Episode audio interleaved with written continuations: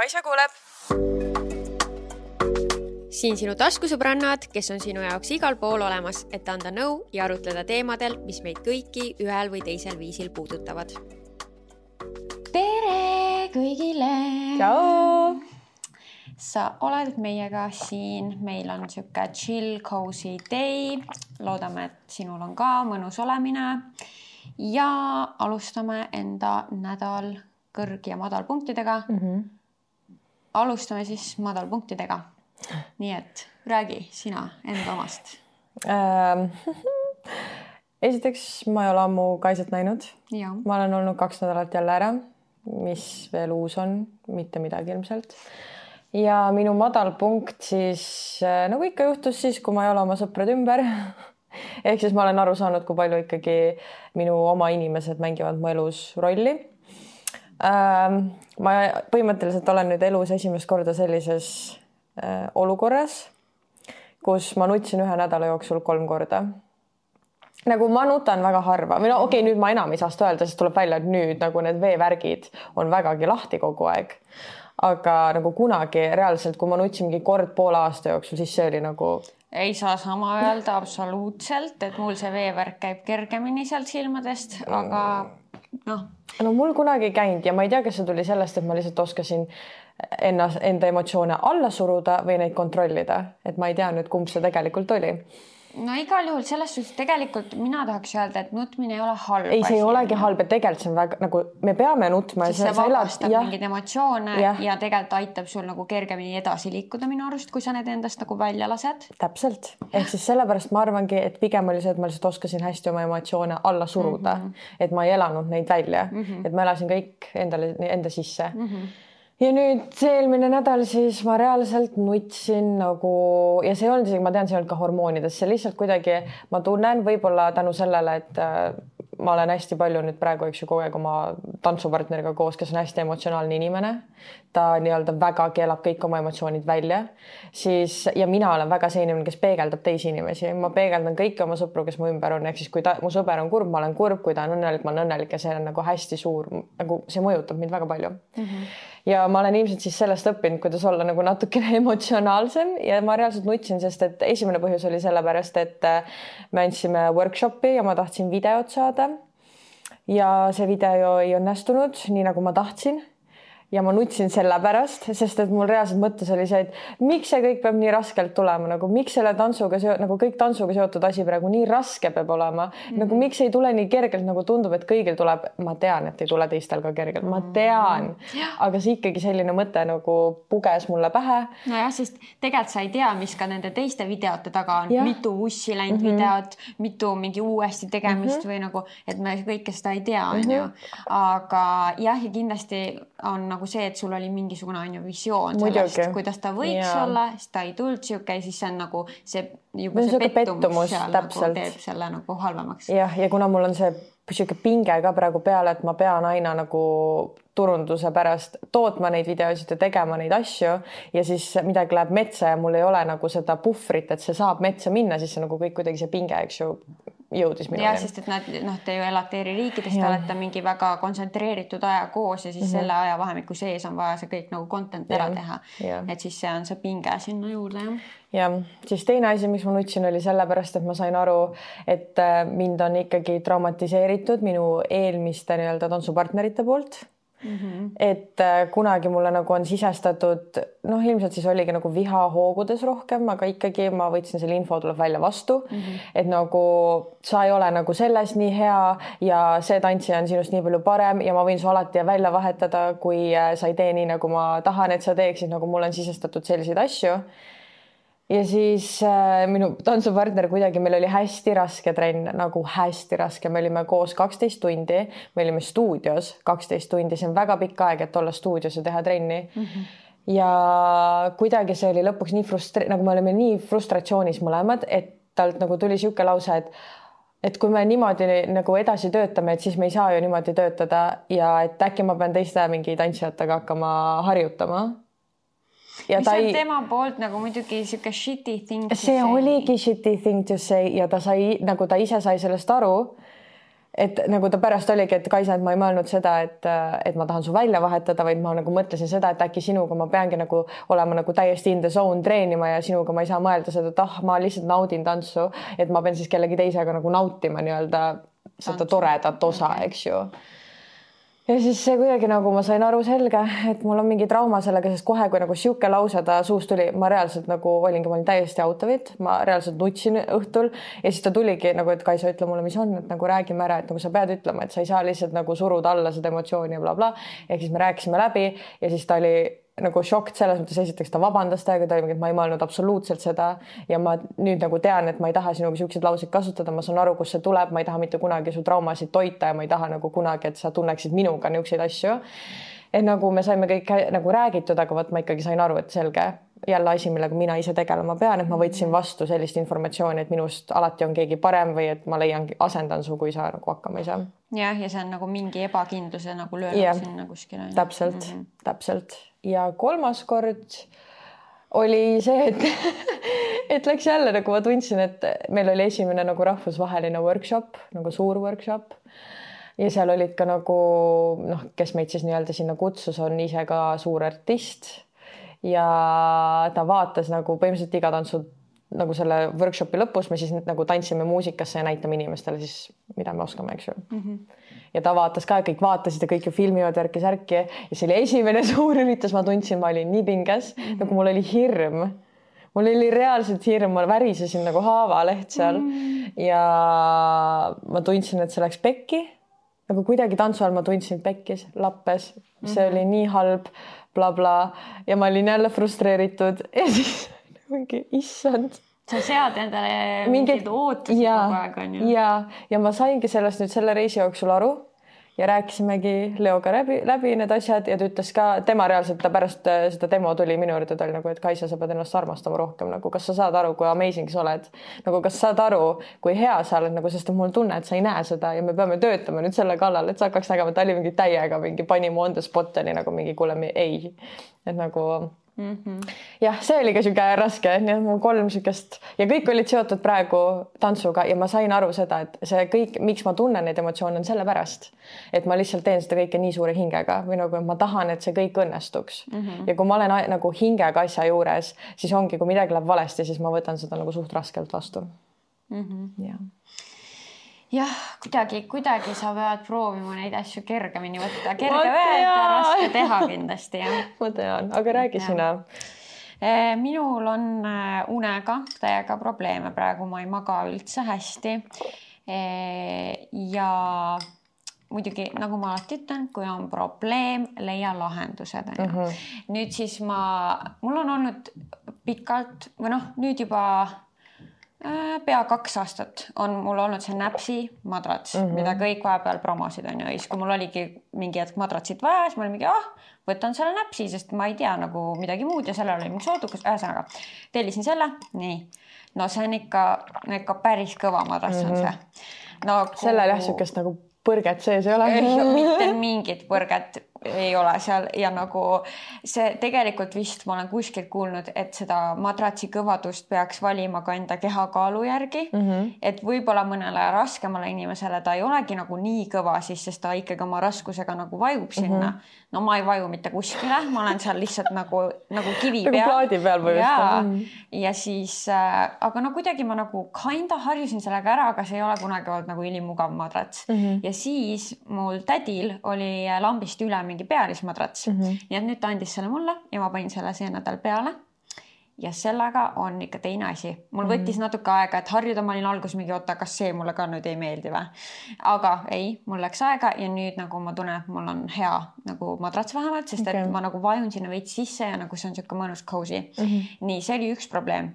ja siis nüüd teine probleem on niimoodi, et ma ei olnud nagu isegi nii teadlik, et see on probleem, kuni Anette hakkas mind influence ima no,. Oh my god, Anette, on lihtsalt sajandi influencer, ma ütlen teile. meie sõprusgrupi biggest influencer. räägib siis, kuidas tema ostis IKEA-st endale uue teki ja see on nii fluffy ja ta lihtsalt on seal nagu fluffy teki sees, ta nagu upub sinna teki sisse niimoodi, et kui ta äh, abikaasa vaatab ta poole, siis seal on lihtsalt üks suur tekikuhi on ju ja ta on seal sees ja see on nii mõnus ja seda tekki on nii palju, et ta saab selle nagu võtta vaata endale nagu jala ja käe sinna vahele nagu kaisu ka mm -hmm. ja seda on ikkagi nagu üle veel vaata, et ühesõnaga ta rääkis sellest ja ma olin mingi, mul on seda vaja, sest et mul on näpsitekka ja see on no ei ole. nüüd nii halba seda, ma ei pea mingit turundust nagunii tegema. niikuinii aga lihtsalt nagu see on sihuke flimsi õhuke väike tekk no ei ole sulle. no see ei ole mulle, et äh, ja siis ma olingi mingi Anette, kas mul on vaja seda ja siis me eile käisime IKEA-s ja ma ostsin endale selle teki. ehk siis sa täna magasid juba selle tekiga? ei, sest et sellega on nüüd niimoodi, et ta on nii fluffy ja ta oli nii kokku pakitud, et sa pead laskma tal natuke nagu paisuda paisuda jah, nii et ta täna öösel paisus mul okay.. ma ei ole nüüd sellega siis veel maganud, nii et eks me sellest saame veel kuulda, kuidas sellega läheb, aga ma olen teel siis parema une poole. Mhm. muidugi mm -hmm. seal unes ei mängi rolli ainult mingi madrats ja tekk, vaid hoopis sisemised emotsioonid mm -hmm. ja mhm. asjad ja mul on ärevust olnud palju viimasel ajal ja palju kurbasid emotsioone. nii et see kindlasti nagu mõjutab, aga ma teen siis väliselt vähemalt kõik endast oleneva, et see uni oleks parem mm -hmm.. vot. mõjuta neid faktoreid, mida sa saad mõjutada ja, ja kõik muu järgneb. jah mm -hmm., vot nii et ma olen väga excited, et täna õhtul ma saan oma uue tekiga magada nii, aga äh, liigume tipphetkede juurde mm. -hmm mul oli väga hea tipphetk peas ja nüüd ma kuulasin sind ja mul kadus see peast ära. nii et äkki sa alustad selle tipphetkega? ma ütlekski, meil oli siis äh, noh, teie jaoks see episood on hiljem, aga meil oli eile Halloweeni pidu ah,. ja, ah, ah. ja, ja üldse mul oli hästi tore päev ja mm. siis meil oli eile ka kuu viimane laupäev ehk siis sotsiaalmeedia vaba päev mm. -hmm. ja kui te kuulasite eelmine kord, kui me rääkisime oma sotsiaalmeedia vabast päevast, siis meil oli see suht nagu keeruline on ju Kaisaga. et äh, me nagu ei osanudki midagi kohe peale hakata endaga ja nüüd ma siis äh, tegin muudatused, mul oli terve eilne päev täis broneeritud, et mul ei oleks aega mingi hakata jagas kuskil scroll ima või ma ei tea, mida mõttetut asja tegema. nii et ma tõusin kaheksa kolmkümmend. issand, sul oli siis pikk päev ju? mul oli väga pikk päev tõusin kaheksa kolmkümmend, panin ennast päevaks valmis ja siis ma läksin, üks meie jälgija soovitas, minu kodu lähedal on selline see pagariäri nagu Pistoria. soovitas mulle, see on mul ülikodu lähedal ja ma läksin sinna, ma tahtsin Anetele ka väikse üllatuse teha, et kui ta tuleb, siis mul on meile nagu pirukakesed oh!. oh my god, ma pean seda, ma ei tea tegelikult, kas see on veel alles siin. no mida? oh my god mul oli ka sulle üks päev üllatus ja see ei tulnud üldse välja mis asja oh my god, kas see on siin veel oh,? andke mulle üks hetk, ma käin korra ja see on siin. ja sa? sa just tuletasid sulle meelde, see enam ei, põhimõtteliselt nii mida me käisime Tartus workshopi andmas. ja ma nägin, et nad käisid ja nad käisid seal Gruffinis. Gruffinis, see on mu lemmikkoht Tartus, nagu ma, me lähme kindlalt sinna homme ka Tartusse. ja siis ma mõtlesin, et ma olen nii armas ja ma veel mõtlesin, et kas ta ei toogi mulle midagi. ja ma tegelikult tõin sulle selle kaneelirulli. aga nüüd on möödas nädal aega või rohkem sellest. nii et nüüd see kaneelirull on siin seisnud. no super armas jah ei, no selles mõttes mõte on väga tore ja ma hindan ja. seda väga, aga ma ei söö seda selge aga no kõik, kes te Youtube'is näete, siis te näete, et see Gruffini karp siin on, see kaneelirull siin sees on. ja no tõesti jah, ma mõtlesin sinu peale, kui me seal käisime ja ma tahtsin väga, sest ma mõtlesin, ma toon sulle su asjad. Yeah no, ja siis ma toon selle saia, mul läks lappama see kogu päev nagu. no okei okay,, see ei mänginud välja, aga äh, mõte loeb, nii et äh, ma väga tänan, et sa mind meeles pidasid. muidugi. ja mina siis eile käisin seal Pistorias mm. -hmm. väga tore koht, kõik, kes kuskil Nõmme kandis elavad, soovitan äh, vaatama minna mm. -hmm. sealt ongi niimoodi, et sa saad ainult kaasa osta mm -hmm. ja väga palju huvitavaid saiakesi oli mm. -hmm mina võtsin siis kaks kaneelisaia ja siis võtsin meile jagamiseks siis ühe basiiliku peperoni äh, saiakese mm. ja let me tell you, need olid kõik väga head nagu niimoodi, et ei ole kokku hoitud sellega, mis seal vahel ja sees on. kas see on sama hea kui krustum, mis on ka su kodu lähedal? ma ütleks äh, jah Mhm. okei siis ma tahan minna ja proovida mm. -hmm. kuigi noh, ma räägin, ma olen praegu ainult kahte asja proovinud no,, onju, mhm. aga ma, mina tean, et ma tahan sinna veel minna, ma tahan sealt veel asju proovida. nii et ma käisin sealt läbi mm -hmm. ja issand, lund hakkas ju sadama, siis ma läksingi mingi, see lumi sajab mulle silmaauku onju, mingi kulmutripsmed lund täis, igatahes ma sain seal käidud, siis tuli Anette mulle järgi siis me sõimegi neid sajakesi, läksime IKEA-sse ma sain endale siis sealt selle uue teki, siis ma ostsin kohe neid mm, voodiriideid ka mm, -hmm. siis ma ostsin endale uue panni sealt. oh, ma ostsin ühe toreda lambi enda, ühesõnaga ma ikka shoppasin mm. -hmm. ja siis ma läksin koju, siis ma panin Halloweeni peoks ennast valmis, ma olin päris Hilton. Ja I loved it, ma nagu väga feel isin seda karakterit. Ja siis ma läksin, käisin vanemate juurest läbi, mu vend aitas mul selle kostüümi üles pildistada. ja siis ma läksin koju tagasi, siis tuli Anette minu juurde, siis me jutustasime, tegin kokteili, ma proovisin uut kokteili, see tuli nii hea välja. ja siis me juba läksime Maariti juurde, seal oli väga fun, fun, fun. Ja siis me läksime veel lõpuks Hollywoodi, aga see ei olnud nii fun, nii et siis nagu sealt suht kiiresti oli koju minek, aga kõik see oli igatahes hästi tore päev ja mul ei olnud isegi nagu aega üldse mõeldagi, et ma tahaks kuskil scroll ida mm. -hmm. nii et mhm. selles suhtes see oli väga suur success. ainsad erandid, mis ma tõesti tegin, tunnistan kohe ülesse äh,. Tiktokis käisin ma nii palju, et äh, nagu salve, teha Tiktok ise, nagu ma ei scroll inud seal mitte midagi, aga ma tegin Tiktoki äpis siis Tiktoki oma kostüümist ja siis äh, ühe sõnumi pidin taskusõbrannade konto alt ka saatma Instagramis. nii et seda ma käisin seal tegemas, ma ei scroll inud mitte sekundikski, ma panin selle äpi kohe kinni. nii et ma tundsin, et see oli successful mm -hmm.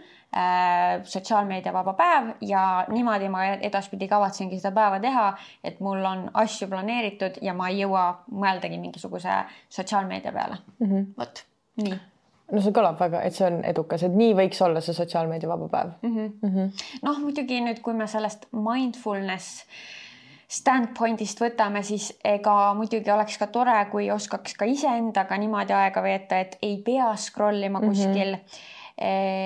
Aga noh, mul läheb sinna natuke veel aega mm.. jah, aga sa oled teel sinnapoole ikkagi. jah ja. ja., nii. see on kõige tähtsam minu tipphetked, issand jumal, no mul on tegelikult ka see Halloweeni pidu, kuhu ma algselt nii, ma pidin sinna niikuinii minema.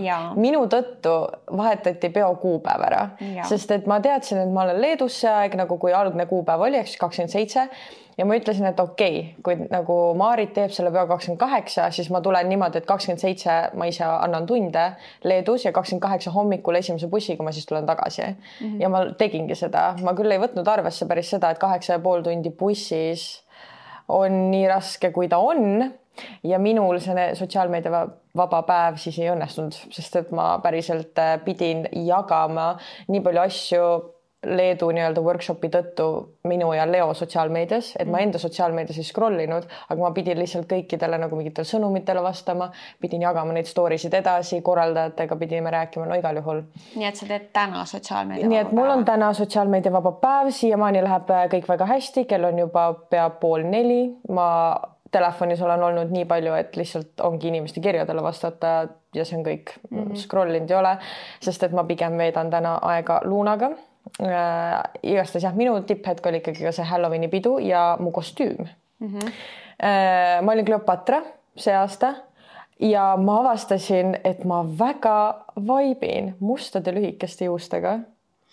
no see, nagu sa nägid väga ilus välja, aga ma ütlen kohe ära väga bitchy look? ei olnud, ülipaljud ütlesid, et ma näen lihtsalt väga hot välja. ei noh, hot ja aga hot võib ka bitchy olla ju. aga ma ei näinud nii bitchy, kui ma naeratasin no,, ma olin ikka päris cute ju. see make ka vaata siuke nagu see yeah, tume laine yeah. ja siis nagu see, see cut, mis yeah. oli see tukk, no minu mm jaoks, võib-olla see on ainult mina, ega võib-olla teised ei arvagi üldse mm -hmm. nii, aga minu jaoks oli natuke sihuke kuri. okei okay no igal juhul ma väga vaibisin ja ma hakkasingi mõtlema, et kuna see parukas ju mul alles jääb, siis. nüüd sa hakkad iga päev seda kandma? mitte iga päev, aga kui ma tahan nagu see Susanna olla, sest ma või ma ei tea, ma pean sellele alter egole panema mingi, mingi nime. mingi Karmen. Karm, oh my god, Karmen võiks Karmen olla täiega teema. Karmen on päris hea nagu. kui ma tahan Karmen olla siis ma võtan selle paruka oma kapist välja, panen pähe. näiteks lähme peole, siis ma olen Karmen mm. Okay, miks okay. mitte mm, -hmm. aga reaalselt, kui ma, ma noh, ma Leedus tegin täpselt sama kostüümiga, nii-öelda olin peol sama kostüümiga ja see kostüüm pidas vastu ühe tantsu ja siis ma vahetasin kohe ära nii et seal see väga ei toiminud, nii et mul oli hea meel, et ikkagi, et ma tulin Maariti peole ja et ma sain ikkagi seda kostüümi kanda.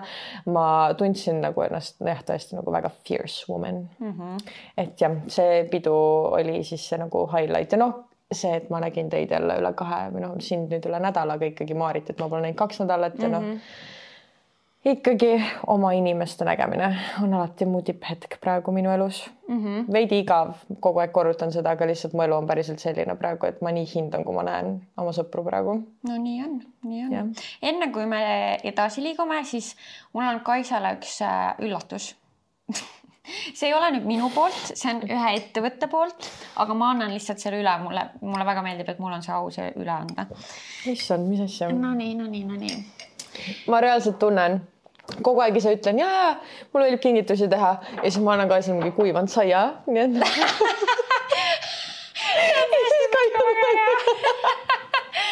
aga äh, Happy Vibes ettevõte saatis meile mõlemale sellise hästi armsa roosa-valge triibulise karbi, kus sees on äh, siis personaliseeritud üllatused meile oh my god. no vaata seda valget esimesena, seal on üks valge plastikust pokaal. nii. mille peal on esiteks hashtag taskusõbrannad. hashtag taskusõbrannad, Kaisa. Kaisa südamega, kuldse oh kirjaga. Oh my god, kui cool. nii lahe ju, me saame neid siin nagu, kui me millalgi joome mingit mulli, kes me saame seda endast juua, vaata siis nad mõtlesid ka kaaslase peale, et mm -hmm. näiteks kui sa tahad, võid Tannile siis sellise anda. Never, Never settle for less. Ehk siis ära mine otsima kedagi muud peale minu. Jah, sina oled kõige parem, onju jah, äh, et ta ära ei unustaks seda. Siin vahepeal, kui ma ära käin. ja meil on ikkagi jõulud tulemas. Nii et sul on nüüd enda personaliseeritud väike Christmas äh, ehtekene äkki ma peakski see aasta tegema mustkuldne?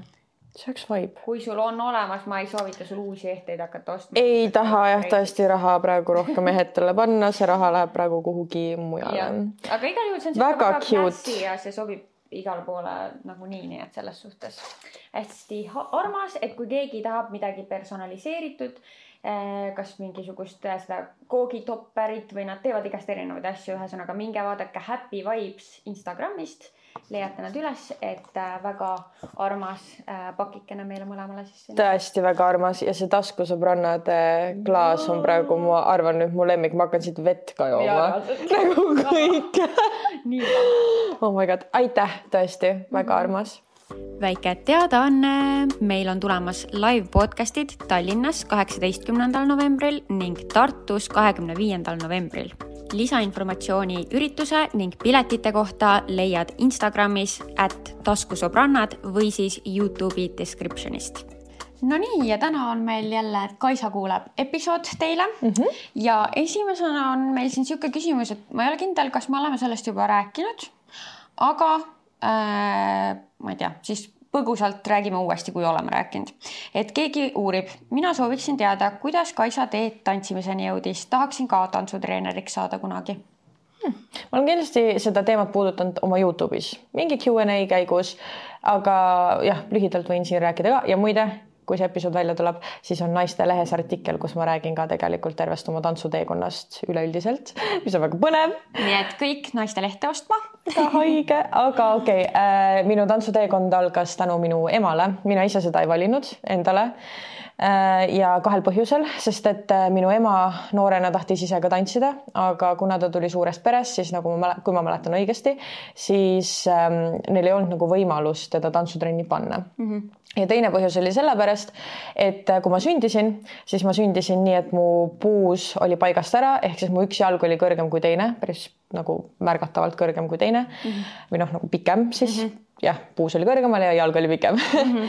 ja kui see paika sai mul, ma olin siis umbes aastane, sest et ma olin terve esimese eluaasta nagu kanavardas, äh, jalad kinni rihmadega, kõik asjad. Okay.. füsioteraapia, kõik siuksed asjad, siis äh, arst ütles, et, et nii-öelda hoida seda tulemust ja et nagu, et ei läheks midagi uuesti paigast ära, et siis nagu laps võiks hakata tegelema millegi aktiivsega, midagi, mis nagu rühile mõjuks hästi, ehk siis ta mõtles, et oh, tantsimine. Okay.. Ehk siis äh, ma läksin tantsima, kui ma olin kaheaastane. Fun fact. Wow.. ehk siis ma olen tantsinud põhimõtteliselt terve oma elu. Mm,. Mm, ja kuni nagu ma olin neliteist, ma tegelesin aktiivselt tantsimisega, ehk siis nagu ma reaalselt olin mingi viis äh, päeva nädalas olin trennis mm. -hmm. siis, kui ma olin viisteist, kuusteist, ma võtsin pausi, ma läksin, me läksime gümnaasiumisse, kui me olime kuusteist. jah, mhm. äh, kuusteist ma võtsin aasta pausi tantsimises, sest et tegelikult ma nagu mul oli terve aja niisugune tunne, et ma tegelikult ei taha tantsimisega tegeleda, et see oli mu ema soov, mis ta tahtis, et ma teeks, et ma ei taha seda teha mm. -hmm. ehk siis, siis mul oli nagu see võimalus, et nüüd mina ise otsustan, et ma nüüd jätan pooleli mm. -hmm. ja kui ma tegin selle aasta pausi, siis ma sain aru, et issand, oota, aga midagi on nüüd mu elust puudu ja siis okay. ma läksin tantsimise juurde tagasi ja ma läksin sellisesse kohta nagu ETA tantsukool, Eesti mhm. Tantsuagentuur.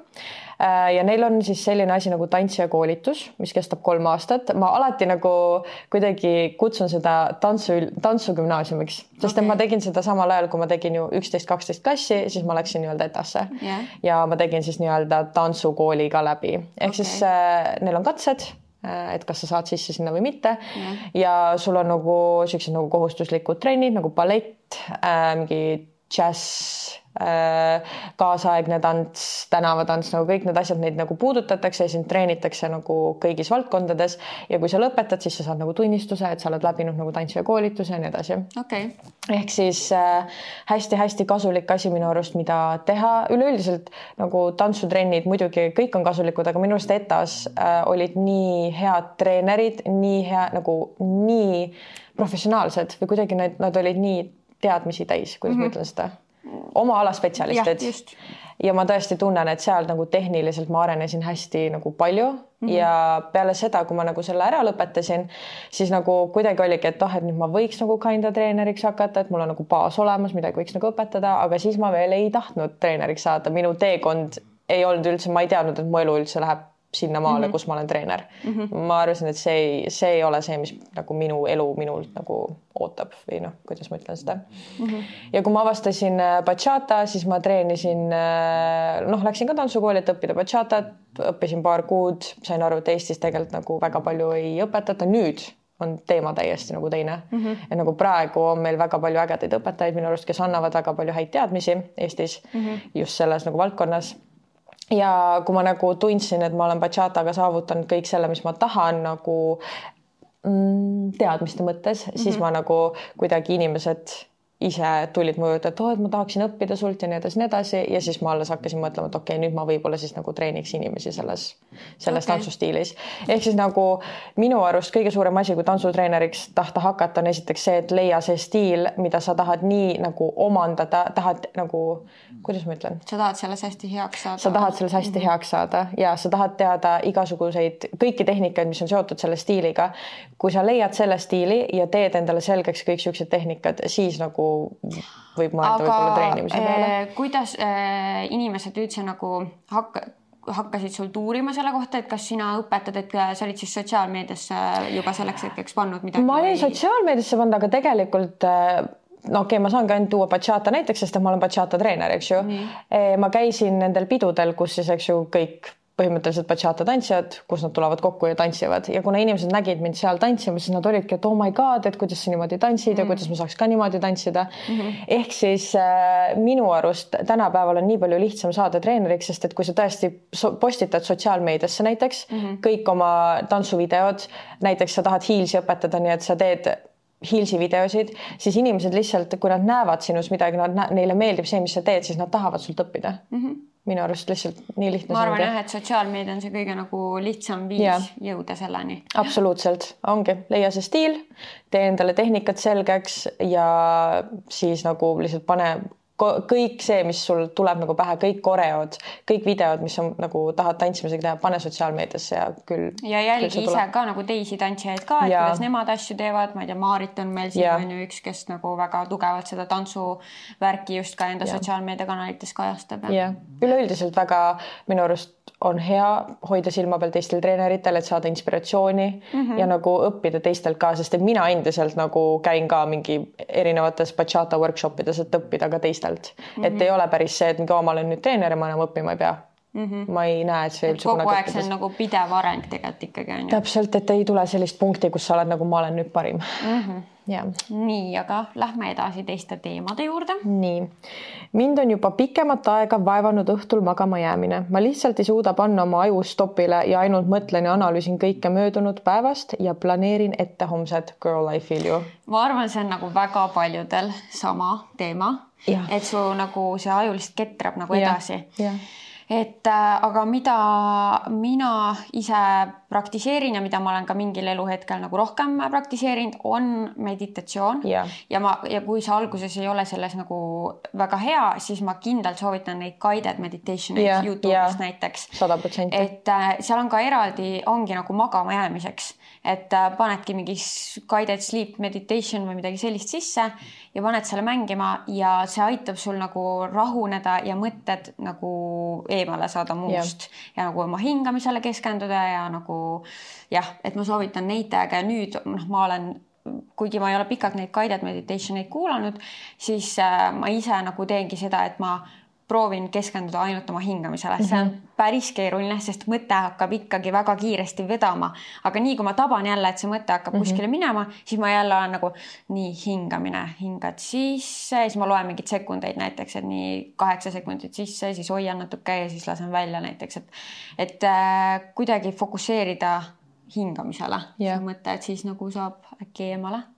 ma olen äh, enne magama minekut, noh, minu tipp on see, et kui sa ütled, et sa nagu ketrad seda ka, et mis nüüd homne päev mm -hmm. toob ja nii edasi, siis mina enne magama minekut äh, panen kirja kõik oma järgmise päeva pla plaanid, nagu see aitab mul maha rahuneda, sest et ma olen saanud füüsiliselt kõik nagu välja kirjutada mm, -hmm. ehk siis ma olen saanud oma aju panna nagu kuhugi, oma nagu need mõtted kirja kuhugi, et nad ei pea mul siin see, see ketrab, et mingi ära unusta, et sa pead homme seda tegema yeah. ja see, see, see, vaid sa oled kõik selle kirja pannud, sa tead, et sul on homne päev planeeritud ja see minu arust aitab ka nagu maha rahuneda mm, -hmm. kui sa üritad magama jääda.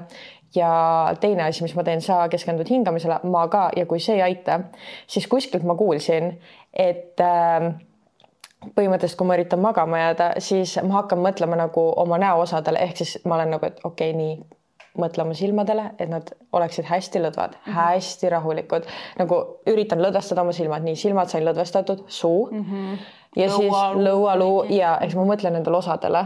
See on ka hea tipp ja mm -hmm. üldse, kusjuures ma olen ka nagu äh, sina vist oledki seda kunagi mulle öelnud ja siis ja siis, kui sa hakkad neid lõdvestama, siis sa saad aru alles, kui pinges sa kogu aeg oled, isegi siis, kui sa magama hakkad jääma, siis su näolihased on pinges. reaalselt. rahune maha, noh. ma ise mõtlen enda kohta nii, aga see on tõesti ka väga hea asi, mida teha, et mina panen endale nagu telefoni notes idesse, panengi äh, niimoodi punktid järjest, mis ma järgmine päev tahan to do list põhimõtteliselt, mis ma tahan yeah. ära teha yeah. või mis on vaja teha ja siis jah, sa nagu tead, sul on see südamerahu, et ma olen need kirja pannud, homme tegeleme nende mm -hmm. asjadega. ja mul on vahepeal isegi see, et äh, ma mõnikord reaalselt olen juba voodis ja ma tunnen, et maju ketrab ja siis ma võtan selle telefoni ja siis teen seda listi ja mm -hmm. kuidagi see aitabki mul jah maha rahuneda mm. -hmm. jah, nii äh,. olen oma elukaaslasega suhte lõpetamise piiril, kuid seda kindlat otsust me teinud pole. B-s, meil on suhtes suured usaldusprobleemid, et asi on läinud sellega üle käte. nüüd on mul tekkinud uus mees, kes kohtleb mind sada korda paremini nagu printsessi, mida praegune elukaaslane teinud ei ole.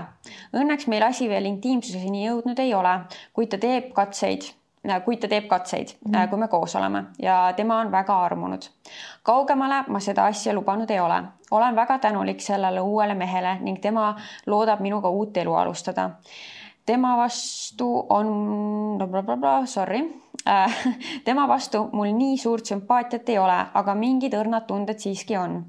ma ei ole kunagi näinud, et ükski kutt nii palju pingutaks minu nimel ja näen lõpuks õige mehe käitumist saan aru lõpuks tänu sellele äh, uuele mehele, mida ma väärt olen, kuid armastan oma elukaaslast väga ning ei sooviks teda ka jätta ning äh, seitset aastat lihtsalt maha visata, sest see armastus on siiski tugev meie vahel. kas peaksin just äh, mõtlema iseendale ning minema eluga edasi?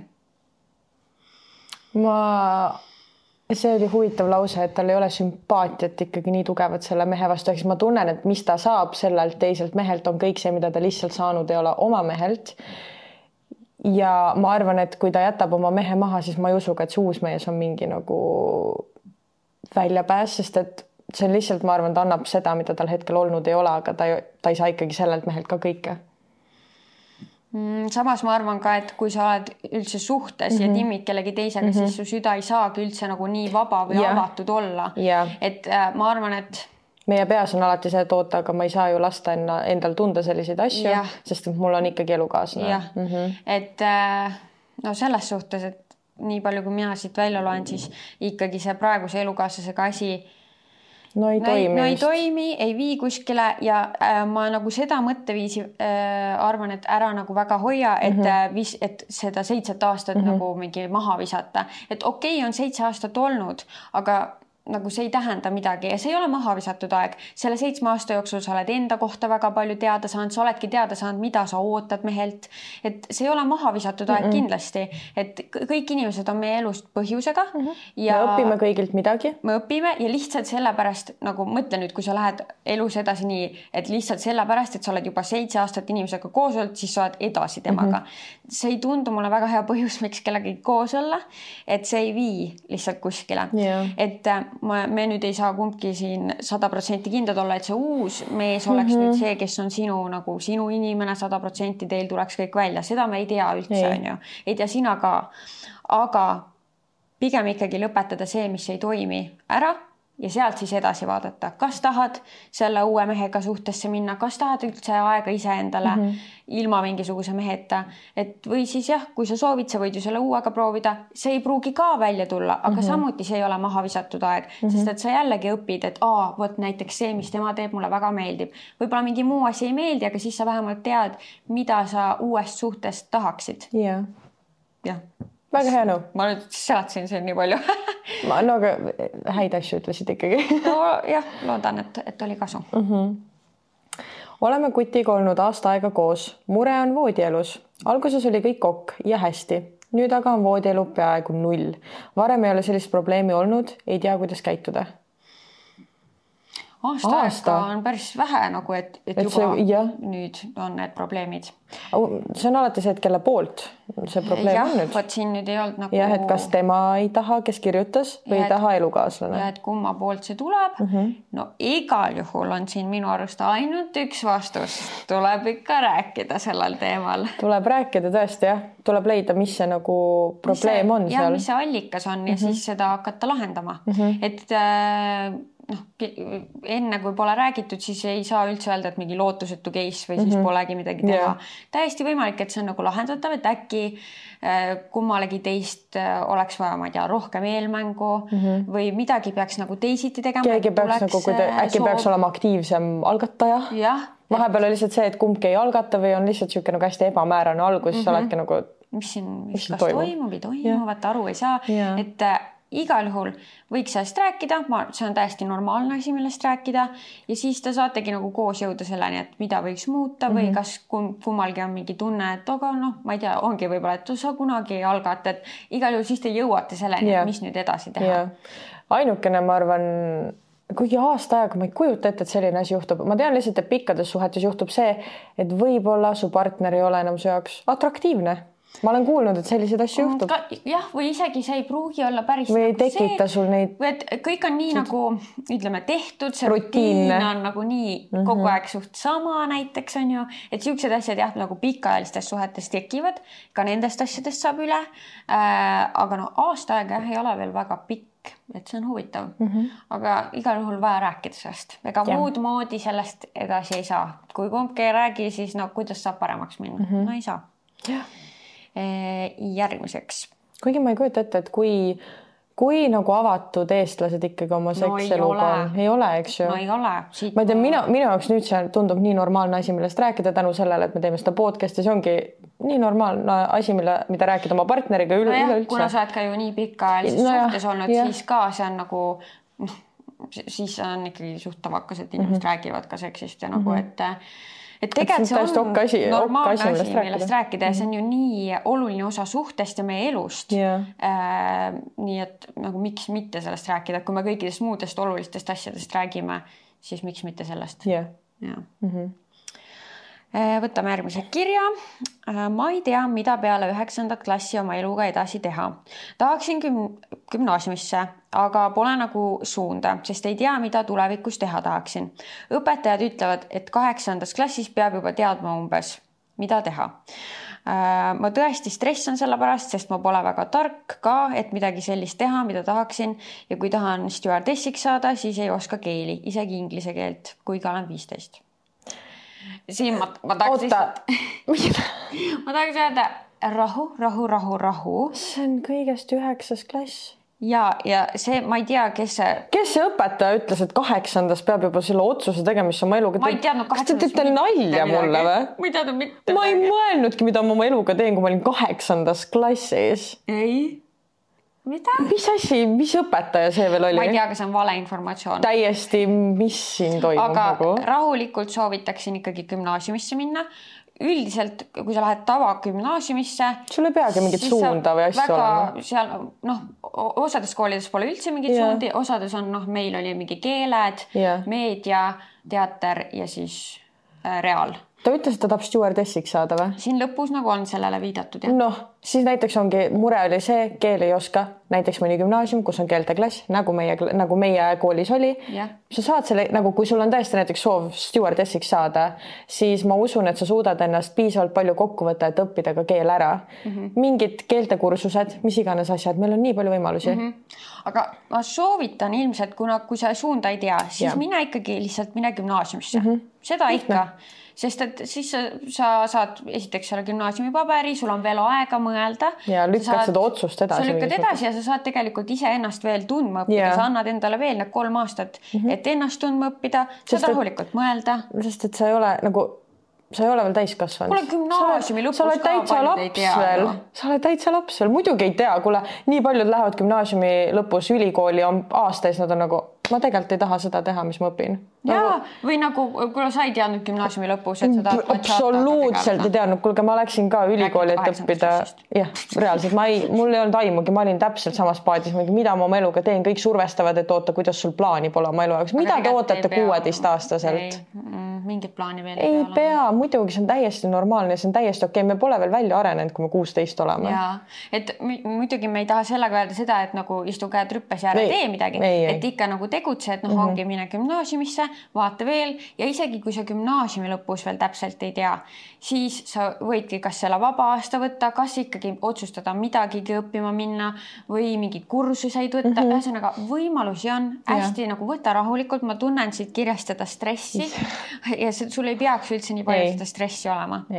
ja ära lase kellelgi ennast, ennast nagu survestada, et sa pead, sul peab plaan paigas olema. nii paljud ei tea nagu mis nad tahavad. me ka ei teadnud. ei, ja nagu ma ei kujutanud veel gümnaasiumiski ette, et ma tegeleks sellise asjaga, nagu ma praegu tegelen. sama mm.. absoluutselt ma ei teadnud üldse seda nagu.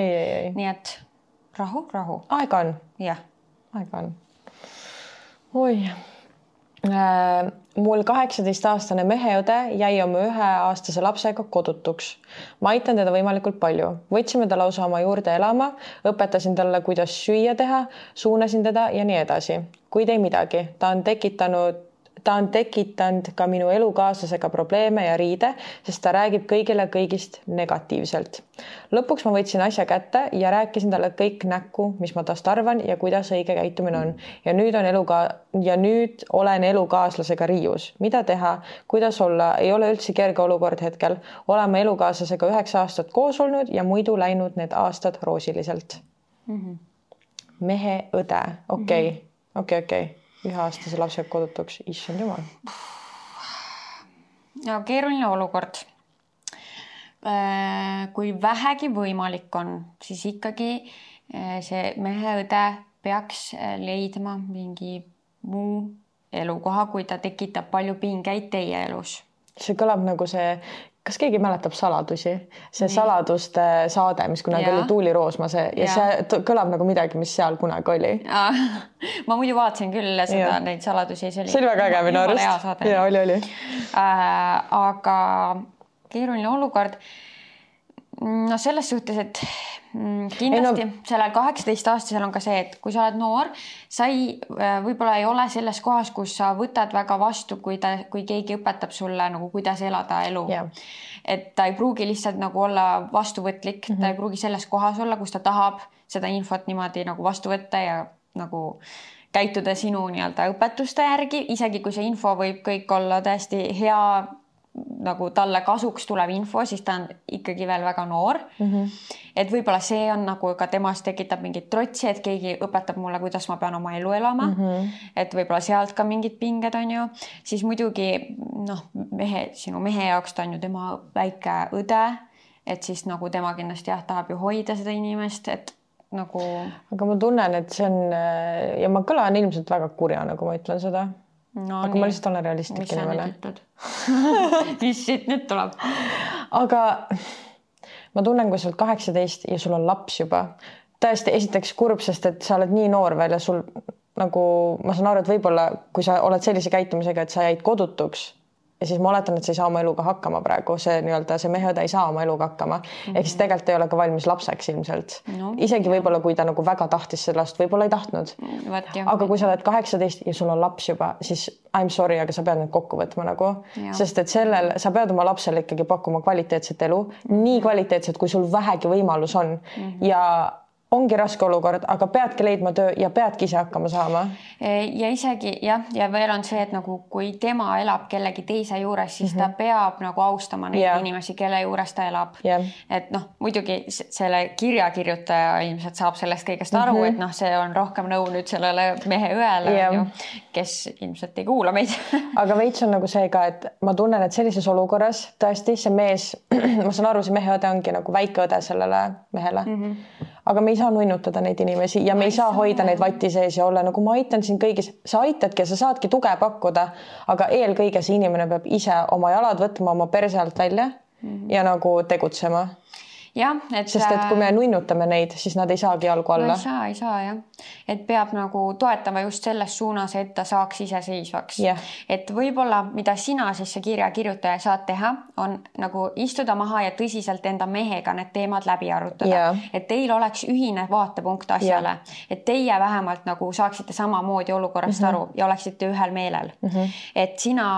kuidagi noh hästi empaatiliselt kindlasti ja. peab sellele lähenema, kuna see ongi mitte ründavalt. jah mm, -hmm. et äh, nagu proovima ka kindlasti tema poolt mõista, aga mm -hmm. jõudma kuidagi mingile konsensusele, et mm -hmm. kuidas me nüüd selle olukorraga edasi tegutseme mm. -hmm. et teil jah, peaks olema mingi ühine nagu tee, kuidas te sellega tegutsete ja siis äkki nagu see vähendab juba teie omavahelisi mm -hmm. pingeid ja äkki siis saab nagu kogu selle olukorra liikuma mingisuguses õigemas suunas. jah, ma arvan, see kaheksateistaastane, ta lihtsalt vajabki, ta ei vaja õpetussõnu, ta vajab lihtsalt tuge ja suunitlust, et mis nüüd nagu edasi teha oma eluga mm, -hmm. aga seda kommunikeerida inimesele, kes võib-olla ei tahagi vastu võtta seda mm -hmm. infot, on hästi raske, sa pead olema väga valiv oma sõnadega mm. -hmm sest et, et sa ei jõuaks temani. jah, et sa ei, et ta ei tunneks, et sa ründad teda või sa õpetad teda. ja et ta tunneks, et see on kuidagi. et see tuleb heast kohast ja, ja... Mm. -hmm. ja et ta nagu ise tahaks siis neid asju teha, et kuidagi jah, keeruline, aga ma alustaks ikkagi oma elukaaslasega rääkimisest. et jõuda jah, mingile ühele mm, -hmm. ühele jah ja. konsensusele, see oli hea sõna mm. -hmm. hei tšikid, mul väike mure. niisiis peagi on saamas aasta, mõne kuu pärast, kui mina ja üks kutt suhtlema hakkasime. ja nüüd on kujunenud sellest juba midagi enamat. oleme mõlemad teismelised. nii tahaksime koos rohkem aega veeta ja tahaksime mõlemad, et ta tuleks minu juurde äh, ööseks siis ma oletan siit. küsisin oma ema käest, mis ta sellest arvaks ja vastas siis natukene vara veel äkki tahaksin nüüd uuesti küsida, aga mul pole üldse julgust, sest tundub, et mu ema täielikult selle vastu. on teil jagada nippe, nõu, mida teha? olete väga ägedad, jätkake samas vaimus. mina crack isin selle koodi oma emaga no. mul oli täpselt sama olukord kunagi, kui me rääkisime no kunagi, kui ma mu emaga üldse nagu rääkisime sellisel teemal, mul ei olnud veel kutti siis ah,. Okay, aga nii. nagu, kui me rääkisime, minu arust mu ema elukaaslane küsis ka, et aa, et mis sa siis teed, kui Kaisal tuleb nagu boyfriend nagu mm -hmm. külla kunagi, siis mingi ei no mis ma siis teen, üks läheb diivanile, teine läheb oma tuppa ja nii on nagu mm. -hmm. siis ma mingi no okei okay,, mis asja. aga mina sain aru kunagi oma emaga, et ma ei tohi küsida ta käest, et nagu kas tohiks nagu mm. -hmm. sest et siis ta võtab mind, et ma olen laps, kes küsib nagu luba mm. -hmm. Ja siis ma hakkasin tegema seda, et ma mitte ei küsinud, vaid ma ütlesin lihtsalt. ma mingi, et okay. Tainn tuleb täna meie juurde ja tal ei olnud mitte midagi öelda. ei olnud nagu mingit äh, kauplemist, vaidlemist nagu, ma ei pidanud kauplema ega vaidlema ja ta ei hakanud kuidagi nagu kaitsvalt midagi nagu ütlema, ehk siis Tainn tuli minu juurde, kui ma olin seitseteist, ehk siis ikka veel alaealine, elasin emaga. või noh, tegelikult ma elasin linnas juba, aga no ma käisin ikkagi ema juures yeah.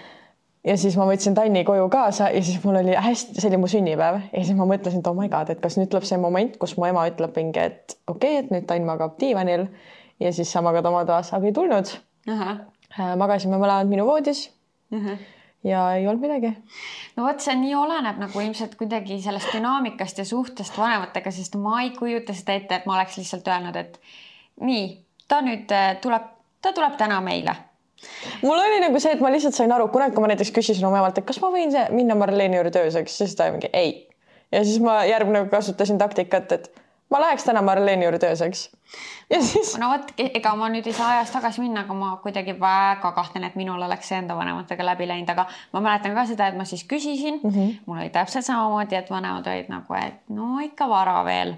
ja noh, siis ma olin äkki viisteist võib-olla, kui esimest korda seda küsisin mm. -hmm no siis läks mõnda aega, ma nüüd nagu selle kirjaga mul üldse tulevad need mälestused tagasi, ma olen mm -hmm. juba mhm. täiesti nagu unustanud kõik selle teema, see oli nii ammu onju. aga siis oli mõnda aega nii, et okei okay,, ööseks me siis ei käinud, aga siis me lihtsalt veetsime nagu päevasel ajal üksteise juures hästi palju aega mm. -hmm. niimoodi, et noh, päevasel ajal ikkagi ta võis mulle külla tulla ja siis me olime lihtsalt nagu minu toas ja noh, ma ei tea, kaisutasime siis seal ja nagu. minu jaoks nagu... lihtsalt on huvitav see. nii mida vanemad mõtlevad, et kui me tahame nagu vahekorda astuda, siis me teeme seda ainult öösel või? et sellepärast ei tohigi öösel külla tulla või? ja ju seal siis on see mõte jah. aga nagu kui ma tahan vahekorras no, olla, ükskõik kus, ükskõik millal. jah, et, nagu... et seda võib-olla no ma ei tea, äkki võib seda ka argumendina tuua, et kuule, kui sa nüüd seda siin muretsed, siis kui ma väga tahan, siis seda ma saan ükskõik kus teha, et nagu see ei ole väga argument, et ole. äkki seda nagu tuua ja siis noh, jah, ma nüüd üritasin nüüd meenutada siis tagasi mõeldes, et kuidas see oli. no mingi aeg siis oli nii, et salaja sai käidud. Oh my god, teil oli sihuke et ma ütlesin, et ma lähen sõbranna juurde no ei, siis ma ei läinud sõbranna juurde.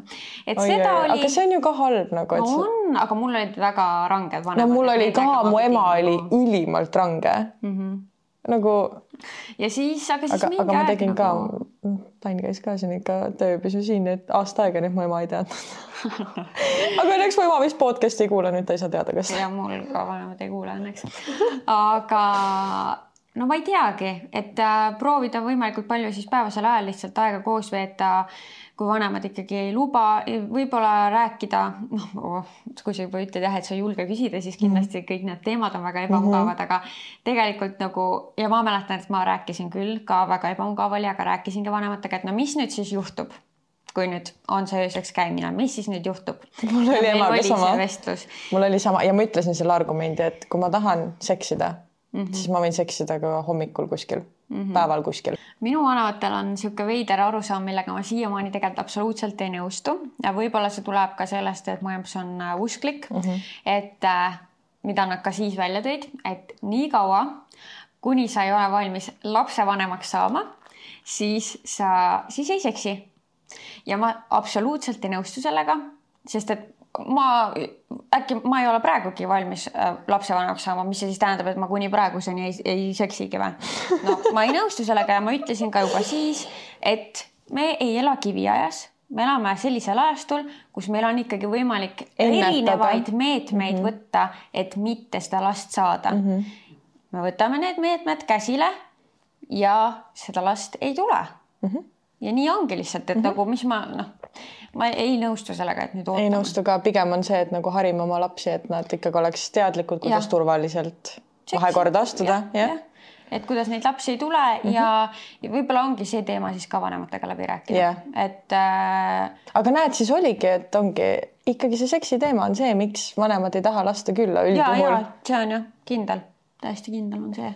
ehk siis ma oletan, et ma tahaks arvata, et meie generatsioon nagu ikkagi mõtleb niimoodi, et kui mu laps tahab vahekorda astuda, siis ta võib seda teha ka kuskil, kus mind ei ole. nii et nagu, mis vahet seal on, kas ma luban selle poisi ööseks, kui mul on tütar või mitte mm. -hmm. ja pigem siis, kui nüüd peab valima midagi, siis see vanem ju võiks ka valida selle, et mu laps, et see laps tunneb ennast nagu äh, hästi turvaliselt, et ta saab ka oma vanematega kõikidel nendel teemadel rääkida ja et see ongi räägitud, su laps ei taha rasedaks jääda, kui need teemad on läbi räägitud, ta on teadlik, sa võid ju ise isegi oma lapsele kondoome osta, kui sa muretsed või nagu, et lihtsalt nagu oleme hästi läbipaistvad mm, -hmm. saame mõlemad osapooled aru sellest, mis on nagu, kuidas turvaliselt seksida, mis on reaalne elu, kuidas me saame ennetada mingeid halbu asju ja siis mis seal siis ikka karta, ega kõik inimesed seksivad millalgi. jah, täpselt. Aga see on ebamugav teema, mida vanematega arutada, eriti kui vanemad tõesti ei ole väga avatud sellistele teemadele. ja siin on nüüd pikk-pikk lugu. okei okay.. aga vajalik okay., nii et see on neli slaidi siis meil siin võtame nüüd, eks ju, mingi teetassikese ja seame end nüüd mugavalt sisse. hei, kõigepealt tahan öelda, et teie podcast on tõesti üli chill ja super asjaga olete hakkama saanud. aitäh. aitäh aga tahaksin teile rääkida, mis minuga suvel juhtus. nimelt kolisin suveks enda vanaema ja kasuvanaisa juurde kasuvanaisa on minu jaoks olnud alati päris ja ainus vanaisa, keda tean. ta on näinud mind sünnist saati kasvamas. algul oli kõik väga tore, olen nende mõlemaga alati super hästi läbi saanud, kõige parem tugi maailmas. ühel hommikul ärkasin üles, vanaema oli siis tööl ja küsisin vanaisalt, minu jaoks minu jaoks siis vanaisa mm, -hmm. et kas kõik on korras, sest ta tundus kuidagi murelik või kurb. Ütles, et ei, aga ta ei tea, kas saab mulle sellest rääkida. kallistasime, sest oleme alati lähedased olnud ja siis ta lausus, ma tunnen sinu vastu midagi. ma olin šokis ja ütlesin küsivalt vanaisa. ta ütles, et aga ma ju ei, ei ole Äh, rääkis mulle, kuidas ta annaks pool oma elust sellise tüdruku eest ja tunneb meie vahel tugevat sidet. rääkis, et mees ei saa ilma seksita olla ja muu selline. Ma olin endast nii väljas, et ei tulnud sõnagi suust. terve aeg, kui ta minuga rääkis, me kallistasime ja ma olin nii šokis, et isegi liigutada ei suutnud. siis ta käed hakkasid mu keha peal liikuma ja ta üritas mind suudelda, aga ma keerasin pea ära kuna ta sai aru, et ma pole huvitatud, ütles ta, eks sa mõtle ja see jääb meie vahele pidin see päev tööle minema, kuid läksin hoopis vanemate juurde, rääkisin kohe emale ja sain teada, et vanaisa oli ema kaheteistaastaselt vägistanud ja ka mu tädile üritanud sama teha.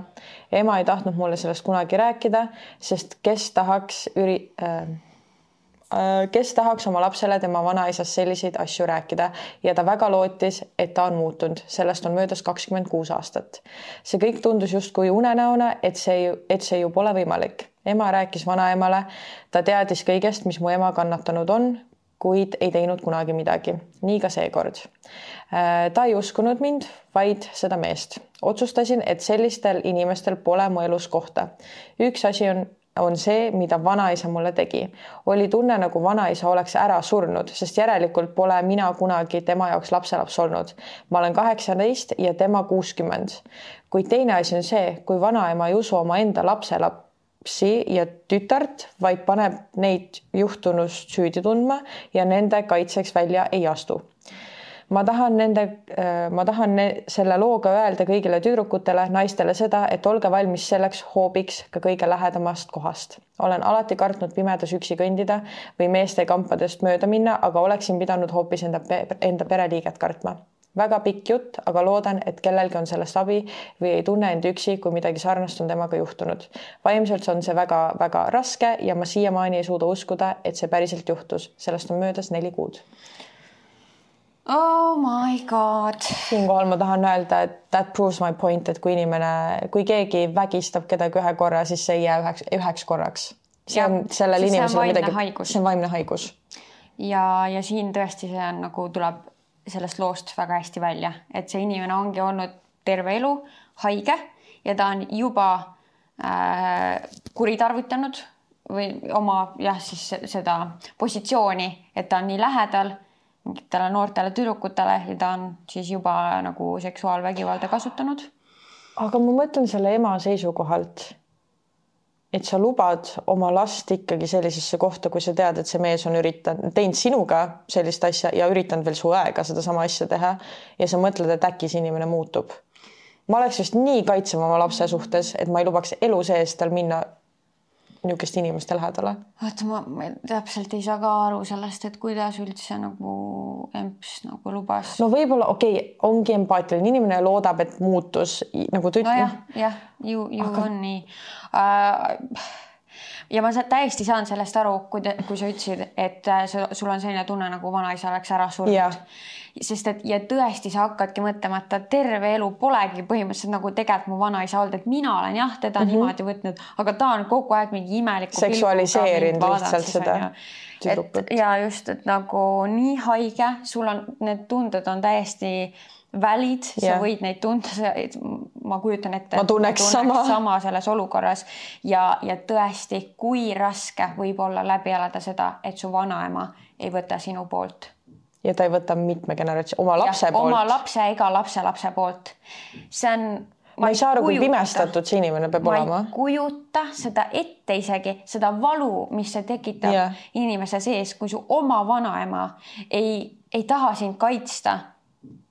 Nagu mis inimestel peas toimub, ma ei tea, kui ajupestud, mis, kas ta ei usu siis seda kõike mis see nagu, mis need põhjendused selle mm -hmm. inimese peas on, igatahes ka sinu vanaemal midagi psühholoogiliselt seal seal peab olema kas mingi hirm üksi jääda või siis lihtsalt ongi see, et ma ei usu, et, et keegi, keda mina armastan, sellist asja suudaks teha, no seal võib olla palju põhjuseid, aga ikkagi, kui sulle ütleb su tütar ja kaheksateist aastat hiljem ütleb su lapselaps sulle sama asja no see ei saa nagu, kui pime sa pead olema, et sa ei võta seda infot vastu? ma ei tea, aga ja noh, tegelikult meie see seisukoht jääb ka siin, ka pereliikmetega story's jääb samaks. politseisse. et politseisse minna, sest et nagu me näeme, see on korduv käitumismuster. okei okay,, ta on kuuskümmend juba ikkagi see teda ei peata nagu näha, et ta neli kuud tagasi on veel sellist asja teinud, nii et äh, mina ütleks, et nagu seadusega tuleb sellele asjale nagu stopp peale panna. see inimene tuleb vastutama panna, tegelikult ongi see, et, et su emps juba oleks võinud noh, aga ta oli nii noor ja no kui sul oma ema poolt veel pole seda toetust ka, ma saan nagu sellest aru, et miks ta ei läinud politseisse, aga sinul vähemalt ma soovitan ikkagi see samm võtta ja see ka täiesti õige, et need inimesed enda elust välja lõigata. ma ütlen nüüd ilmselt midagi, mis on väga vastuoluline, aga nagu ma ei tea, kas politsei selles olukorras midagi teeb, kui temaga ei juhtunud midagi, sest nagu ta pani stopi peale. okei okay,, jah mm -hmm.. jah, jah, no. aga proovida ikka või siis nagu ma ei tea tõesti. märk jääb ikka maha sellest, et see inimene on midagi taolist nagu üritanud teha, et võib-olla siis. kurat jah natuke jah, keerulisem lugu tõesti. aga, aga igal juhul sina ei pea nende inimestega suhtlema mm. -mm ma saan aru, see on muidugi vaimselt nii keeruline, sul on olnud terve su elu on vanaema ja vanaisa ja nüüd neid pole. ei ole. aga, aga. no lihtsalt ei saa minna tagasi mingi normaalse suhtluse juurde ei. nende inimestega. et äh, meeletult kahju ja jube kahju on see, et see ei ole ainus selline lugu yeah ja me endiselt peame nendest asjadest rääkima. jah, aga et..., aga väga hea, et sa saatsid selle, sest et nagu tõesti neid inimesi ongi veel ja, ja äkki keegi teine tunneb ennast selles loos ära, võib-olla võt-, nagu võtab midagi ette, kui on midagi rohkemat mm -hmm. juhtunud ja saab kindlasti politseisse minna, et yeah. kindlasti rääkige ja nii äh, tore, et sa tundsid, et sa saad oma emale seda usaldada ja, ja sa kohe läksid sellest rääkima. see on nii oluline, et sa ei jäänud sellega üksinda mm -hmm. ja näe, sa saidki teada, et sa, see on juhtunud, et see ongi midagi hullemat on juhtunud jah. et äh, väga tore, et sul on vähemalt su empsi tugi siis ja. selles olukorras. jah huh, äh, sina lugesid ju seda pikka mm, -hmm. nii äh, väga, nüüd me lähme väga-väga-väga teise teema juurde, palju kergem teema.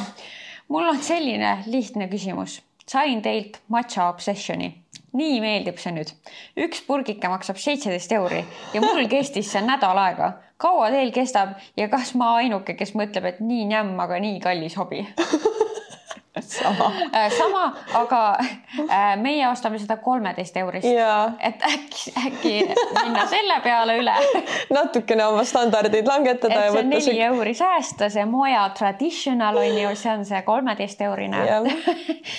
ja äh, kaua, nojah, no minul ikkagi kestab kaks-kolm nädalat, mul ikka kestab. mulle ütleme jah, iga päev teen, no kaks nädalat ja äkki mõned päevad peale mm. -hmm. on see, kus, et äkki öö, vot ma ei tea, mis kujul sa seda täpselt teed, aga kui sa teed teda niimoodi latena nagu meie, siis äkki vähenda natuke matša kogust, et pane natuke vähem ja vaata. tee lihtsalt väiksemad portsud nagu tee. väiksem ports või noh, et natuke nagu, et äh, saada vähemaks seda kulu jah. jah, aga muidu mõtted on samad, et ega see odav lõbu ei ei, ole, ole., kahjuks ei ole odav obsession jah jah, Äh, kuidas ma peaksin emale ütlema, et mul päevad, ma ise mõtlesin oodata umbes aasta esimesest korrast, kui juhtus, septembri lõpus oli esimene või kui ise teemat tõstatab, mida teha ja mis oleks õige variant? kohe öelda, no ma ei tea, see, see on täiesti tavaline asi, millest su rääkida EMS-il. on ka päevad, su emal on ka päevad täpselt. nii et selles suhtes nagu see ei ole midagi imelikku. See ei ole teab, midagi- et sul peaks need Olema tulema ja olema jah., et äh, ja nagu siis ta saab ju või noh, vähemalt mul minu ema oli selline, et siis ta hakkas mulle sidemeid ostma, kui ta endale ostis just ja tahtsingi öelda, et, et ma ütlesin Epsile, siis Mhm. ta teadis meile mõlemale osta mm, -hmm. et nagu juba sellepärast see on lihtsalt praktiline, et sa ütled talle ja siis ta ja teiseks see ongi täpselt väga normaalne asi, su emal on ka päevad. ja see on niisugune umbes sama asi nagu mingi, et õhtusöögil, kuule, kas sa soola saad anda, see on Jah. täpselt sama tavaline teema tegelikult. tegelikult on on, on. ja et ära tunne mingit piinlikkust, tal on ka päevad, Jah. nii et nagu see on naiseks olemise osa. on. jah see on okei okay.. äh,. tšau, Kaisad. Teie Kaisa kuulab osad on nii lahedad ja neid võiks tihedamini tulla, noh, siin sulle üks on. mis te arvate Tinderist kaaslase otsimisest? kas see on pikemaajalise kaaslase leidmiseks väga lootusetu koht? tead, ma panin selle ainult sellepärast siia sisse, et ma tahtsin öelda, et meie hea sõbranna Anette leidis enda perfect match'i Tinderist. jah, ja ta on nüüd abielus. ma tean. veel, minu ema töökaaslane eh, leidis Tinderist ja on ka abielus. jah, et täiesti võimalik on leida, muidugi sealt on nagu hästi palju seda soppa. Fluffi soppa tõesti on ka et jah. nagu, et sa pead sealt sõeluma mm -hmm. selle hea kraami välja mm, -hmm. mis võib olla keeruline, aga et on võimalik On. leida on. mm,. nii et äh, kui sa oled otsimas, ära anna alla mm -hmm. ja lihtsalt nagu äh, enda jaoks võib-olla proovi nagu jah, võimalikult kiiresti selgeks teha, mis need ootused mm -hmm. inimesel on, et kas see, kas see mees on nüüd seal otsimas niisugust ühe öö fun'i või kas ta on otsimas pikaajalist suhet mm, -hmm. et suht või noh, ma ei vot tegelikult ma, ma ei Mul võib-olla ei ole kogemust Tinderiga, tõesti. sest tõesti mul ei ole kunagi Tinderit olnud, aga nagu mina arvan, et see ei ole halb asi mm -mm. nagu suht kiiresti nendel teemadel nagu rääkida, et mida sa siit otsid. ma arvan, see ei ole nagu mingi oh, wow, mingi miks nii kiire nagu, et kui ma tahan selgeks teha nagu kas Tinderisse mitte ei panda seda ka, mul tõesti ei ole kogemust Tinderiga, ma näen ainult kõrvalt, kui mu sõbrannad tinderdavad. aga kas nad ei pane mingit, ei otsi ühe suhet või mingi noh, biosse võib biosse ju ka panna selle jah, et nagu midagi viidates yeah. sellele, et sa ei taha niisama fun ida ja siis sa juba sõelud mm -hmm. sellega nagu mingid vennad välja Jah. et võib-olla seda proovida mm -hmm. jah aga ei ole lootusetu, teame Ei ole. väga mitmeid edukaid lugusid mm. -hmm. Ja. nii mm, -hmm. see on kaheosaline. ahah, kas see on ka viimane? jah, ahah, ehk siis viimane lugu. Mul on toksilised vanemad. kunagi noorena üritasin korduvalt võtta endalt elu, ükskord oli see eriti julm, kuid pääsesin, jäin ellu. ema oli alati minuga, mingi hetk ma mõistsin, kui väga haiget talle tegin ja tunnen, et olen justkui võlgu talle ah,. ema oli alati minuga, okei okay. mm. -hmm. ja nüüd, kui mul on pere ja peaksin edasi liikuma, keskenduma vaid enda loodud perele ja endale, tirib endaga kaasa mind mu ema, kes alavääristab mind, alati võrdleb mind teistega.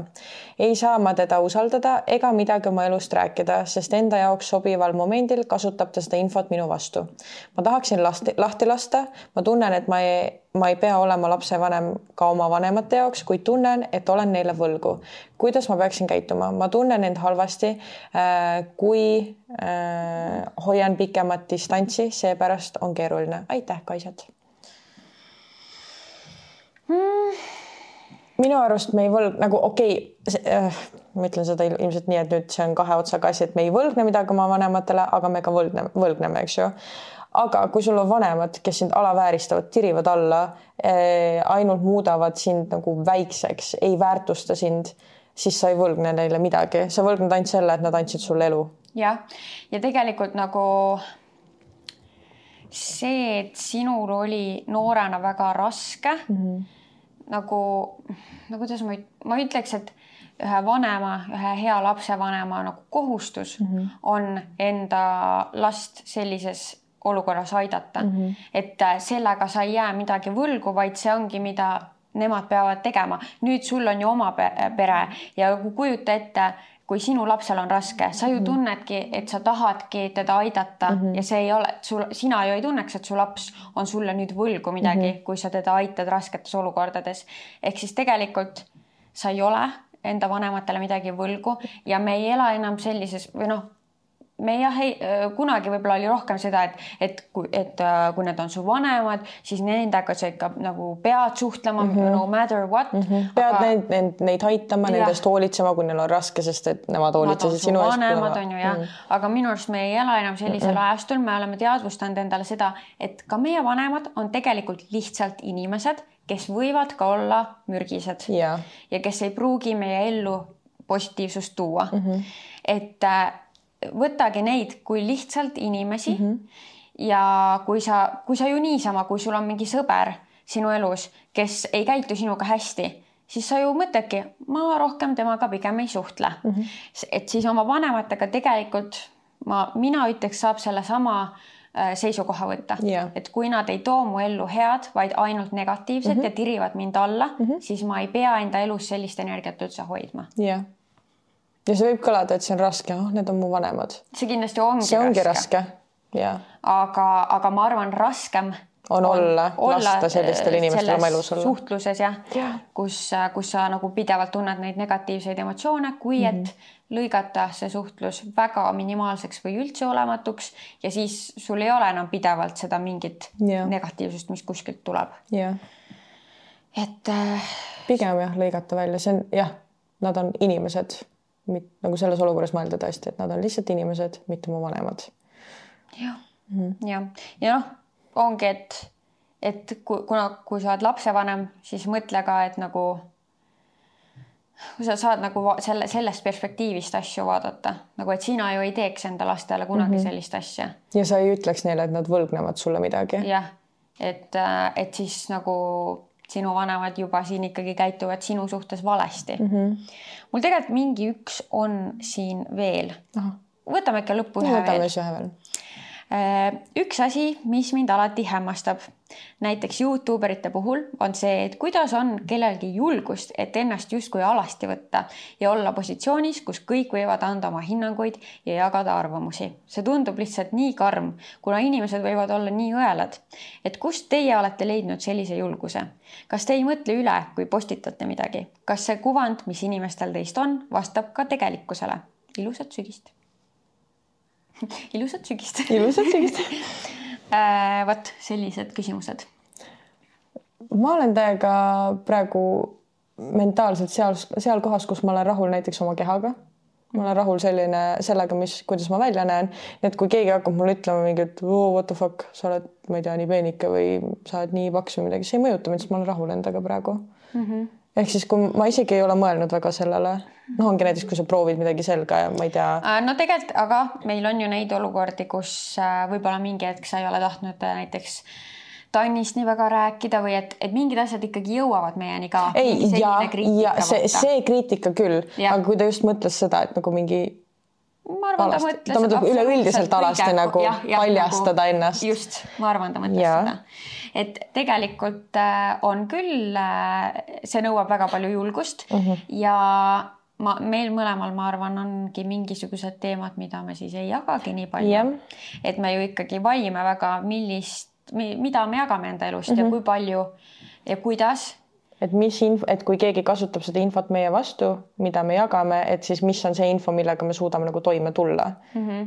mingis mõttes. jah, ja ega teinekord äh, ongi, et omad vitsad peksavad, et äh, panedki võib-olla midagi natuke too much mm -hmm. ülesse ja siis tulevadki mingisugused väga negatiivsed kommentaarid, kirjad ja ongi raske ja eladki üle mm, -hmm. siis sellest õpid mm, -hmm. et seda asja näiteks rohkem ei jaga mm. -hmm et eks see ongi selline pidev nagu õppimine ka yeah,, et yeah. mis, kus see balanss on yeah., et äh, samas ju tahad endast muidugi nagu inimestele anda, sa tahad, et äh, noh, kas siis tahadki millegagi inspireerida, ma ei tea, ikkagi tahadki oma elu ka jagada, et äh, sinu jälgijad, ma ei tea, oleksid kursis su mhm. tegemistega mm, -hmm. mis iganes. aga siis nagu jah, et leida see balanss, et kus see ei ole nagu too much. Mm -hmm.. okei okay,, noh, kui me võtame sellest perspektiivist, et kõik, et me koorime ennast nii-öelda paljaks, siis äh, jah, mina näiteks mõnda aega tagasi ja ma ütlesin ka podcast'is seda, et ma ei taha oma suhtest nii palju rääkida ja ma olen seda nüüd teinud. jah, ma vahepeal ikka mainin midagi. sest et ta on nagu nii suur osa su elust on ju, täiesti mainimata ei saa jätta. jah, aga ma tunnen, et see kogus ja üldse see, palju ma räägin praegu näiteks oma eraelust, on väga väike mm. -hmm. ei, võib-olla ei tundu teie jaoks, et teile tundub nagu, et ma räägin päris palju ja jagan teiega palju, aga tegelikult enamus asju jääb minu koduseinte vahele või siis nagu mu sõprade vahele ja, ja et no ka minul ongi nagu lihtsalt mu jälgijad ei teagi mingisuguseid üleelamisi, mis mul on või mm. mingisuguseid teemasid isiklikust elust, olgu need, ma ei tea, perega või mis iganes teemad. et kõike lihtsalt ei jagagi mm -hmm. ja, ja kas, et kas te ei mõtle üle, kui postitate midagi ülemõtlemine. no vahepeal, vahepeal ikka, ikka jah, et eriti kui just ongi näiteks mingi negatiivsuse laviin olnud, no nagu kui meil oli see eelarvamuste see podcast'i yeah. episood, et peale seda ikka oli natuke aega nagu raske yeah. ja mõtlesidki, et oota, et seal videos on nagu see koht, et kas ma jätan selle mm -hmm. sisse näiteks või ei jäta, on ju, et vahepeal, eriti siis, kui jah, on midagi väga negatiivset tulnud, siis on need perioodid, kus mm -hmm. mõtled natuke rohkem mm. -hmm. ja see ei pruugigi halb asi olla see, see äh, natuke ülemõtlemine yeah. selles suhtes, et sa võib-olla saadki ennast sellega ka kaitsta, et mm -hmm. võib-olla võtadki mingi osa sealt videost välja, mis ongi too much jagamine yeah.. ja õnneks mina olen selline, et pigem suht kiiresti lasen asjadest lahti. tuleb negatiivsus, mõnda aega võin ka raskelt üle elada seda, aga siis ta läheb mul mingi hetk meelest ära ja siis mul vist oleneb, oleneb asjadest. Lähen nagu okay. edasi mm, -hmm. et, äh, et mingid rasked perioodid on olnud, aga järelikult siis on positiivsust rohkem olnud mm, -hmm. et me edasi tahame tegeleda sellega. järelikult me tunneme, et me saame piisavalt tagasi ja et see äh, annab meile elus mingit lisaväärtust mm, -hmm. et me tahame seda ikkagi teha. Yeah ja, ja siis lõpuküsimus oli, et kas see kuvand, mis inimestel teist on, vastab ka tegelikkusele? ma ei kujuta ette, mis kuvand inimestel on. Ma täpselt ei tea, mis kuvand on. Yeah.. et äh, sealt noh, eelarvamustest mingid kuvandid nägi, aga noh, see oli väga kallutatud. Yeah.. et äh, ma ei tea, aga samas see kõik, mis me jagame, ükski asi pole fake yeah.. kõik, mida me jagame, ongi kõik päris nii et see osa, mis te meist näete, see ongi päris lihtsalt, meil on veel tahke juures, mida mm. kõike pole võimalik ei piltide, videote kujul ega ka siin podcast'is isegi mitte näha mm. -hmm. sest et inimese, inimestena me oleme elus nii paljudes erinevates olukordades, mida lihtsalt videotes ei ole neid olukordi, nagu te ei näe seda, kui mul, ma ei tea, viis asja järjest läheb perse ja ma olen vihane. reaalselt. nagu, et noh, siis te ei tea, milline ma selles olukorras lihtsalt olen Äh, et on mingid tahud, mida mm -hmm. te mhm. lihtsalt ei, ei saagi teada, sest mm -hmm. see ei ole nagu, te ei ole kakskümmend neli seitse mu kõrval. vot, aga muidu see, mis näitame, on päris nii, et. sellised me olemegi. sellised oleme. jah. Näidelda mingi aastaid kedagi, kes ei ole, tundub väga, väga raske ja võtame Paris Hiltoni näiteks, kes ka ei suutnud seda terve elu teha, vaid pidi ka lõpuks ja. ikkagi tulema tagasi selle juurde, kes ta päriselt on. et ma ei kujutaks ette, et ma peaks fake ima kaamera ees mingit ma ei tea, keda. ja eriti, kui on nii palju ne neid äh, nagu väljundeid, meil on ja, podcast, meil ja. on Insta, meil on äh, Youtube, et igas kanalis kogu aeg hoida seda mingit fassaadi, jube keeruline, eriti näiteks siin podcast'is, kus me lihtsalt nagu lasemegi suust välja kõik, mis meil nagu tuleb, vaata. tõesti. ehk siis äh, jah äh,, ei ole nagu sellist fassaadi mm.. aga aitäh, et kuulasite, vaatasite yes.. näeme järgmises osas Bye. Ciao.